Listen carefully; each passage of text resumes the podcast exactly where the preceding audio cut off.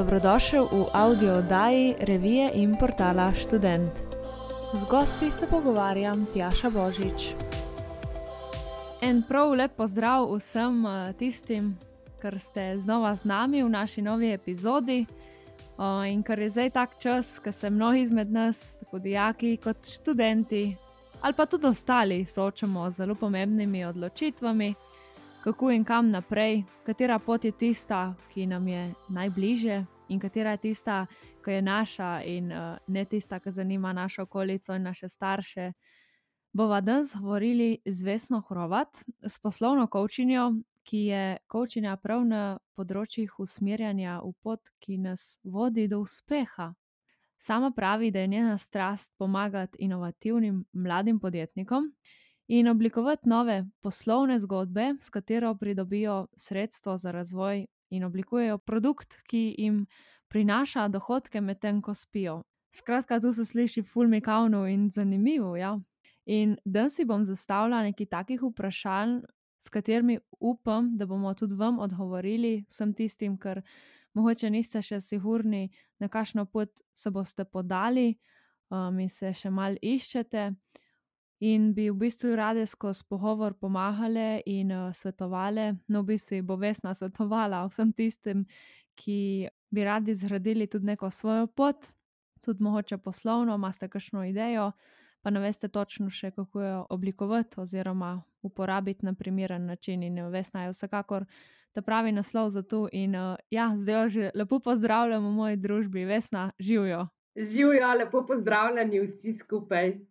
Vesna, povej mi, kaj je torej tisto, kar se danes dogaja med mladimi, kako potekajo njihove odločitve, na podlagi česa se sploh odločajo? Ja, veliko krat srečujem mlade, pa jih vprašam, no, kaj pa zdaj, kam pa greš, a greš študirati, a greš delati in tako naprej. In veliko krat mi odgovorijo, jo, ne vem še točno naši pravijo, da bi prevzel podjetje, en drug reče, um, joj, prijateljica je šla tja in tako naprej. Veliko krat opazim, da okolica zelo vpliva na mlade, kaj na kakšen način se naj odločajo. Po drugi strani se pa sprašujem, zakaj v bistvu nimamo na razpolago niče, eh, nekaj, kar bi mlad človek pravzaprav se usedel sam s sabo, uh, se pogledal uh, vase, rekel, ok, kaj pa jaz želim početi v življenju. In da bi iz tega izhodišča bilo potem, ne? to se pravi, da je on izhodišče. Preveliko krat je izhodišče okolica. Zato jaz mislim, da, uh, vel, da je veliko takih mladih, ki imajo težave ki se, uh, pri odločanju, ne? kam, kako, na kakšen način. Ja, in do katere meje pa to še sploh sprejemljivo, da dovolimo našim staršem ali pa okolici, da vpliva na nas?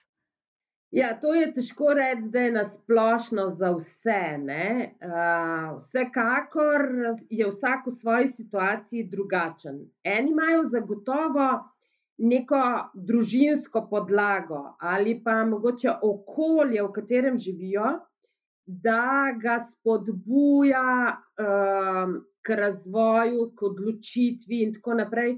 Morda mu je že tapiciralo, bi temu rekli, pot do njegove poslovnega, poslovnega uspeha.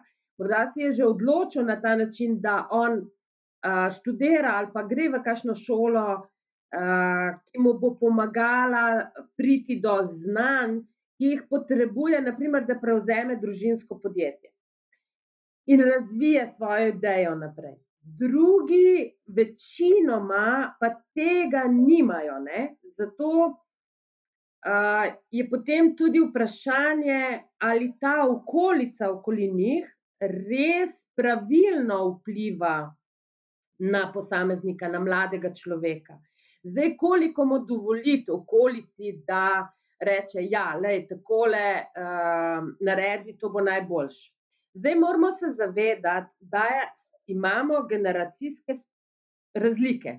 Popolnoma, uh, to je, mislim, vsakemu več ali manj razumljivo, to že tako in tako začutimo v družini, ne, da stari starši imajo drugačna pričakovanja, drugačne vrednote, drugačne um, poglede na svet, kot naprimer že njihovi otroci, kaj šele potem vnuki. Naprimer, uh, in vrednote, ki jih ima mlad človek, so izključno njegove vrednote, ne glede na to, kako si jih je zgradil. Ne, ker vrednote ne dobimo kar tako iz neba, pa pač zrastejo z nami. Jih gradimo in jih pridobivamo skozi čas odraščanja. In seveda z vplivom okolice na to. Ne. Mlad človek pa težko reče, to ni v redu za mene, ker več ali manj vsi nekako sledimo ali pa sledijo um, avtoriteti, ne, profesorjem, mnenje nekoga, ki je že, ali pa staršem, ne, ali pa nekoga, ki je že nekaj dal čez.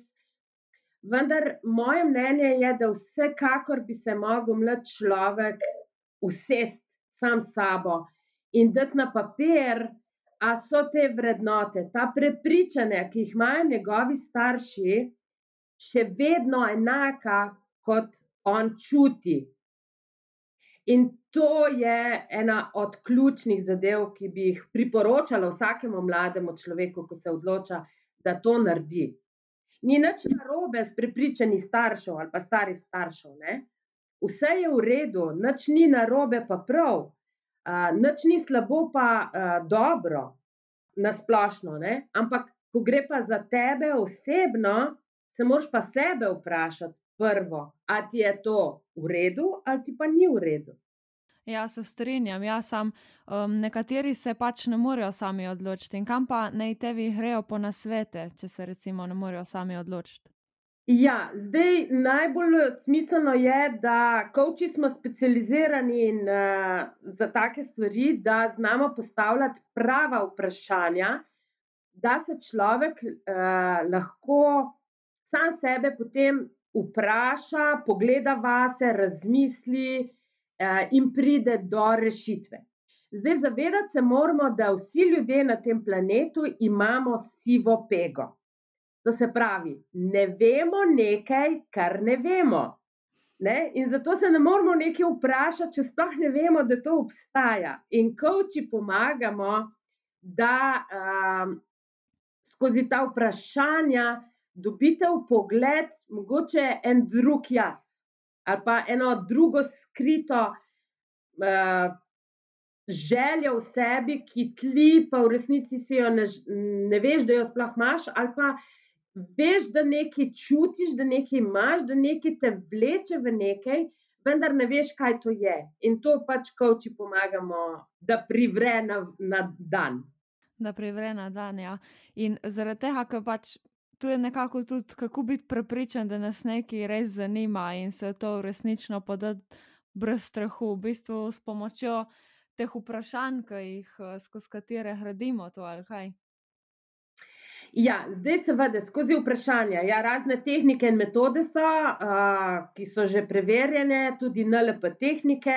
Uh, tako da ni to zdaj proces, da bi vem, celo leto delali pa iskali. To je lahko proces parih srečanj. Včasih se zgodi, da že kar na prvem srečanju uh, človek ugotovi, kaj je to njegove više dobro. Ne?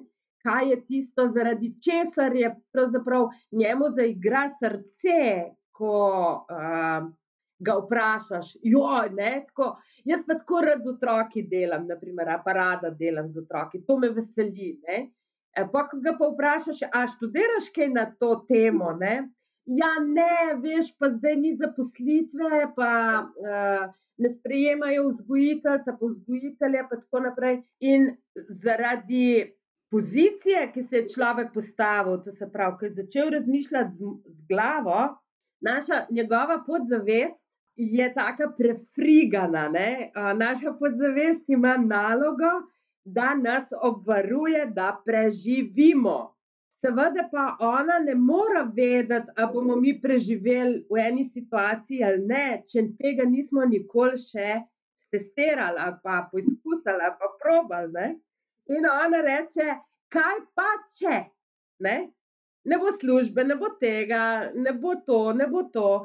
In potem se ljudje raje odločimo za kratkoročna um, ugodje, kratkoročno ugodje, kot za dolgoročni užitek ali pa dolgoročni uspeh. Ja, na mesto, da bi poslušali svoje, mislim, lastne občutke in želje, tako tiste najbolj globlje.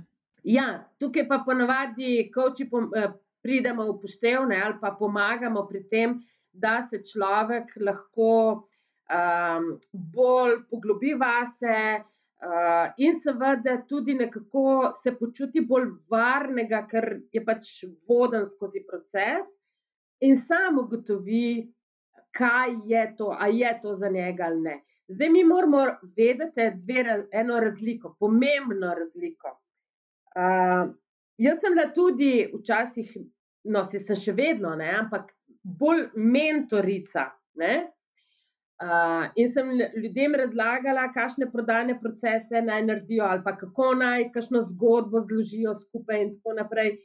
Uh, zgradili smo različne, v bistvu iz noč, tako rekoč, nove, nove poslovne zgodbe. Vendar sem opažala eno veliko razliko. Ne? To, ko sem jaz nekomu govorila, da je to nared, to nared, to nared, to nared, v resnici je bilo to moje. Ne? In uh, zdaj, če mečkano povem, kako sem pravzaprav jaz prišla do tega, da sem zdaj coach. Uh, In to me je mene pravzaprav malo begalo, ker niso bili taki rezultati, kot jaz vem, da bi lahko jih človek imel. Ne? No, in takrat sem se jaz potem odločila, da, da jaz moram napredovati v svojem razmišljanju in se naučiti v bistvu teh metod in tehnik, ki jih uporabljamo, kavči. In moram reči, kakšna bistvena razlika se je zgodila. Ker takrat, kot mentor, ti polagaš nekomu v nederje, kaj je prav, kar je testiranje, in tako naprej. Mhm. Ampak to je moje, to ni tvoje. Pri kavčanju je pa ravno obratno, ker mi poiščemo tisto, kar je v tebi noter. In izluščimo iz tega ven, seveda, z vsem svojim znanjem, ker ga imam na podjetništvu, da še podprem s temi zadevami, kar pravzaprav deluje, in potem to funkcionira in je trajno. In kaj pa recimo v primeru, da se nekdo odloči, da svoje poti ne bo nadaljeval prek šolanja oziroma študija, kako naj nekdo začne svojo karjerno oziroma poslovno potjo? Zdaj, če se odloča, da bo postal samostojen, je vsekakor podpiram vsakega, ki ima to idejo. Ker zavedati se je treba, da denar To se pravi, bogati niso nikoli, nikoli bogati postali takrat, kadar so bili v službi nekoga drugega. Ne? Bogatstvo se začne graditi takrat, ko realiziraš svojo idejo v pravem času, po pravih postopkih, z napakami vred. Ne? Napake v podjetništvu ali pa spodrslaji niso katastrofa so samo priložnost za rast. Vsekakor v prvi vrsti je potrebno vedeti, kaj je to njegovo više dobro. Kaj to pomeni, to više dobro? To pomeni ne tisto, ko naprimer, ti nekomu, svojemu kupcu, nekaj narediš. Naprimer, narediš mizo in jo prodaš nekomu, da jo ima in je on vesel. Ok, to je že v redu, Ampak više dobro je tisto, kar se bo zgodilo nekomu tretjemu, ki ti sploh nimaš, nisi imel vpliva na njega. Ko bo družina zdaj ob tisti mizi tam, ali se bo kregala, ali se bo imela rada, ali se bo imela krasna kosila, ali bojo obmetavali se. Ne? In tako naprej. In to razmišljanje, ta, to sanjarjanje ali pa to ta vizija, kako v bistvu bo polepšala hišo, dom, ta miza, naprimer, če se zdaj za ta primer damo, kako bo jo srečna družina ob tej mizi. Uh, to pa je že više dobro. In če ti delaš potem, da si mizar in delaš mizo za to, da bojo srečne družine, da bojo srečni otroci okoli tiste družine, da bojo za to družinsko mizo potem rekli, to je pa že moj pradedek, ki jo dal narediti. Tukaj smo se zmenili različne stvari. In tukaj potem rečemo ta tradicija. Ne? Zakaj je tako tradicija res pomembna v poslovnem svetu? Ker to je pravzaprav neko visoko, više dobro, ki ga je nekdo tisočletja ali pa par desetletij nazaj naredil. Ne? To, da ugotovi, kaj je njegovo više dobro v njegovem poslanstvu ali pa njegovem delu, ki si ga želi. Lahko je tudi človek, ki eh, dela stori, eh, upravlja, želi upravljati storitev. Ne? Prvič ga bo više dobro vleklo naprej kot motivacija, Druga zadeva, ki je pa nujno potrebno, da je mlad človek obvlada, je pa prodaja. Poznamo več prodajnih procesov. Tudi sama sem bila včasih v fazi, ko mi je bilo tisto, da bi vsaj imela nekega tržnika ali pa mogoče nekega menedžerja, ki bi me držal. Ne? Še v času, ko sem bila uh, bolj fokusirana na oblikovanje in ko sem se ukvarjala s tem. Mhm. Ampak ta človek nikoli ne pride, nikoli ne pride. Ne? No, in potem sem srečala eno gospo, ki se je bila mojstrica v prodaji in ko sem jaz rekla, blagor se teple, te, ti znaš vse prodati, kar se spomniš. Ja, je rekla, se ti tudi lahko. Vse je pa jaz ne mogoče, jaz rabim nekoga, da mi to naredi. Rekla, ne, prodaje se lahko naučiš. In zdaj, v bistvu, takrat je mene, ko sem bila že dosta starejša, pravzaprav me je šokiralo, kaj prodaje se naučiš, ne pa da se z njo rodiš. In od takrat naprej sem jaz vsa svojo pozornost namenila prodajnim procesom in sem jih raziskvala, testirala in seveda jih prida tudi uporabljam. In zato rečem, da Ne smemo se kot civilizacija dovoljiti, da mladega človeka ne naučimo prodaje, da razume, da je pravzaprav vse, kar počnemo v življenju, prodajni proces in začne se iz prvega dne, ko se rodimo na ta svet, znamo že prodajati svojo zahteve. To se pravi, da dobimo tisto, kar potrebujemo kar želimo. Ja. In kako naj se pa na tej poti nekdo, ki se poda na njo, počuti varno? Absolutno, te dve stvari sta zelo pomembni, kot sem zdaj povedala. Da, eh, da varnost zagotavlja razumevanje prodaje.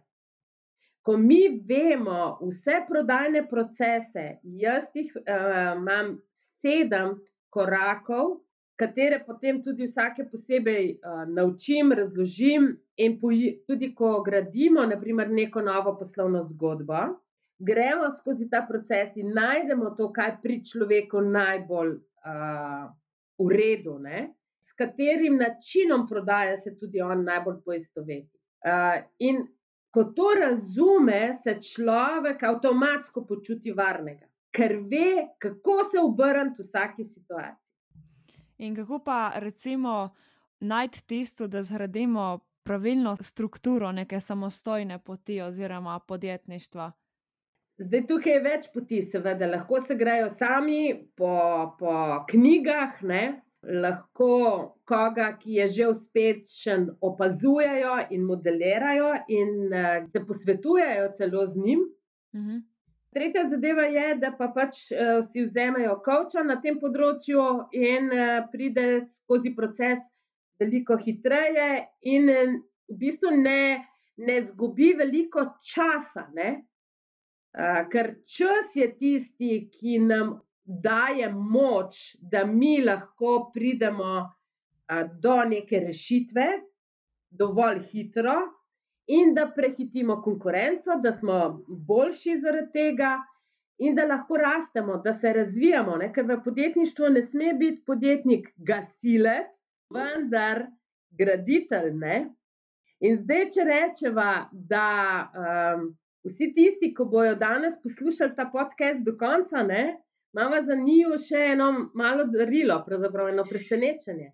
Bo razkrili na koncu. Ja, tako da uh, vamo, da nas poslušajo, ne? Ja, vamo, da nas posluša do konca.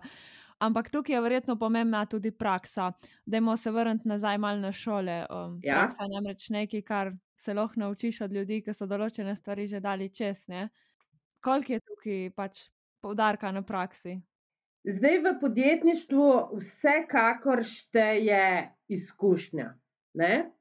In zdaj, če mlad človek, če ima te obveznosti v šolskem sistemu, neki, nekatere šole imajo te obveznosti, da narediš eh, praktičen eh, pouk ali pa prakso, ne? Vendar jaz ugotavljam, da eh, kadar se pogovarjam z mladimi, ne, ja, kje ste pa prakso upravljali, pa kaj pa si delal na praksi, ne, sem mečkano razočarana, ne? zato ker ponavadi dobijo takšno delo po liniji najmanjšega napora, uh, ali pa mogoče delodajalec ne ve, kaj bi mu dal delati, ali se pa boji povedati, mogoče kakšne skrivnosti in tako naprej. Da zelo malo mladih dobi to izkušnjo res tiste prave prakse, lahko bi jih bilo več, no to želim reči, Uh -huh, uh -huh.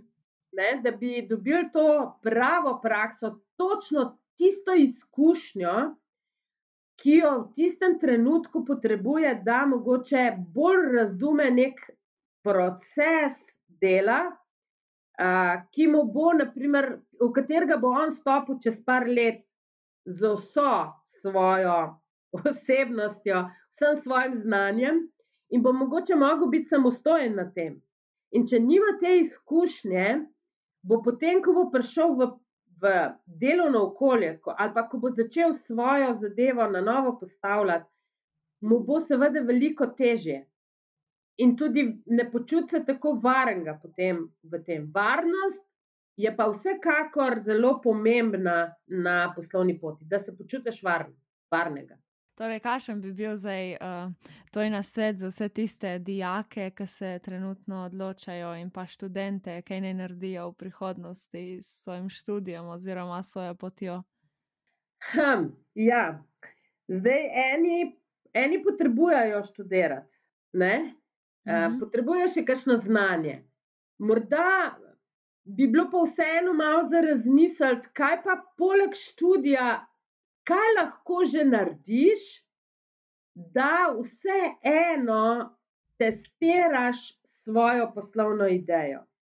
Kako bi se povezal s kom, ali pa mogoče začel raziskovati paralelno s študijem, da vidiš, ali je to, kar si želiš študirati, tudi res potem na trgu tako deluje, kot piše v knjigah. Ne? Ker nekaj je, kar piše v knjigah, nekaj pa je, ker ti potem to narediš v praksi. In vsako tako testiranje je dobrodošlo, če želi, da bi rad najdel še znanje. Po drugi strani pa tisti, ko oklevajo, ali bi šel delati, ali bi, ali bi eh, študiral, uh, zdaj jaz se ne morem na mesto njih odločiti, to pač morajo slebe poslušati. Ampak če se bolj nagibajo k temu, da bi mogoče pa vseeno začel svojo poslovno pot, začni v tem trenutku. Ker verjetno, če je neka želja v njemu, ni ta želja taka uh, zastojna, bi človek rekel. Ne. Um, a nekaj hrene naprej. Nekega žene naprej. Zdaj, v takih primerih, seveda, je potreba eh, postaviti prioritetno lestvico. Ne? Kaj je človeku vredno, in če ti je vredno, da realiziraš svojo idejo, potem ne čakati, potem jo realiziraj. In eh, ko izoblikuješ svoje višje dobro in ko veš, kaj bi rad počel, ko vidiš, da na trgu naredi analizo in ko vidiš, da je na trgu potreba potem, ker ti imaš tega, to znanje, uh, ker ni zastonj hodil v šolo uh, in dobival neko poglede na svet. Tudi če je enako znanje bilo podano njemu, ni nujno, da ga ima enakega, ne, enako razumljenega uh, ali pa enako ga naložil vase kot nekdo drug. Ne. Uh -huh, uh -huh. Vsekakor je edinstven tudi v tem, kakšno znanje ima. Jaz rečem, kdor je kakorkoli začuti, naj gre v akcijo. In vedno so se pokazali dobri rezultati tistim ljudem, ki so se vrgli in so šli plavati. Ja, super. Uh, Vesna, jaz sem iskreno zelo vesela, ker smo danes govorili o teh temah, ki marsikomu ja. predstavljajo neke stresne situacije v njihovih življenjih. In uh, upam, da je kdo izmed vas našel vsaj delček rešitve ali pa pohuma, ki mu bo pomagal pri nadaljevanju svoje poti. Ja, in uh, sedaj ima Vesna še eno presenečenje za vse vas, Vesna, boš kar ti povedala. Ja, ta prvo imam presenečenje za vse, ki nas spremljate. To je to, da si postavite prioritetno lestvico. Torej, kaj je nujno in kaj je pomembno za vas. Tega mora biti vsaj 20 do 25 odstotkov in pomeni, da je urgentno in da je pomembno. Naredite takoj, to se pravi, nekaj morate narediti takoj, da bo se lahko nekaj zgodilo naprej. Potem imate pomembno, vendar ni nujno. To so pa stvari, v katere napišete, kaj načrtujete v svojem življenju. In vprašajte se tukaj, kaj boš ti počel čez 10, 30 let, kaj hočeš delati takrat. In tukaj odgovori vsaj 80, 65 do 80 odstotkov uh, odgovorov, kaj boš ti v bistvu si splaniral v življenju, kaj je tisto, kar si želiš, na kakšen način želiš živeti. In tukaj bo že pokazala ta slika, kam pravzaprav bi se človek lahko usmeril, odločil, in tako naprej. Mhm. Tukaj je zelo pomembno, na kaj bi se rad fokusiral čez 30 let. Potem je tretja zadeva, kar je v bistvu nujno, ampak ni pomembno, To so pa stvari, ki jih človek da nekomu drugemu narediti. Se pravi, kaj so stvari, ki bo nekdo drug, ki je boljši, bolj kvaliteten v njemu, nekaj speljal, zrihtal in tako naprej. Tako da se ne bojiš iti v, naprimer, tudi v poslovne vode, ker uh, če ne obvladaš, ne vem, marketinga ali pa ne vem česa, prodaje moraš obvladati, ker če to se naučiš, Moram reči, da je to tako mehen procent ljudi na svetu, ko vlada prodajo, da je tukaj ogromno prostora, tako da to se morate naučiti. Naprimer, ne obvladate kaj sva, marketinga, ampak je zagotovo veliko ljudi na, drugem, ne, na tem področju, ki so veliko boljši in hitrejši od nas, kaj bi dali drugemu delati. Ne vse v sami početi. In četrta zadeva, ki je pa zelo pomembna, pa jo mogoče pomalo spregledujemo, je pa to, kar ni nujno in ni pomembno. To so pa stvari, ki jih lahko delaš manj kot en procent v svojem življenju. To so stvari, ki te, ti kradejo čas, to so stvari, ki jih delaš, ki te uničujejo, ki ti delajo slabo voljo, in tako naprej. Uh, napiši tukaj noter, kaj je tisto, kar ne želiš početi.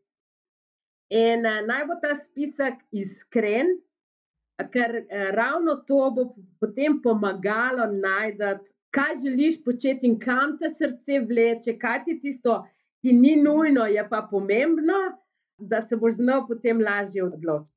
Zdaj, za tiste, ki pa seveda ste ustali do konca in ko boste se povezali še z mano na Facebooku, kjer bomo tale podcast tudi delili. In za vse tiste, ki ste pa na Instagramu, tudi tam me najdete pod Hrovat Vesna, na Facebook pa na uh, Vesna Hrovat poslovni coach. Ko boste komentirali ali pa lajkali tale eh, podcast, imam za vas darilo, to je zemljevid do cilja. In tam bom izžrebala uh, tri nagrajence, na vsaki platformi tri, tako da se radodarno podelim ta zemljevid, kjer vam uh, natančno razložim, zakaj je tako pomembno postaviti cilj, kako pravilno postaviti cilje, kako najti svoje više dobro, da lahko rečemo čez 30 let ali pa čez 10, da smo se prav odločili. Tako da, če vsem, ko bojo sodelovali in ko seveda se pridružijo In seveda čestitam tistim, ki bojo zmagali že zdaj, ki so bili z nami danes strajni. Ja, jaz vas še enkrat prav vse lepo povabim, da greste na njen Instagram, pa njen Facebook profil in tam sodelujete v nagradni igri, ker je zelo, zelo mikavna in pa tudi koristna. Ja, bi rekla. Vesna, jaz ti želim še ogromno poslovnih svetovanj, odličnih zgodb in uspeha. Res ti hvala še enkrat. Hvala lepa in nasvidenje, lepo se imejte.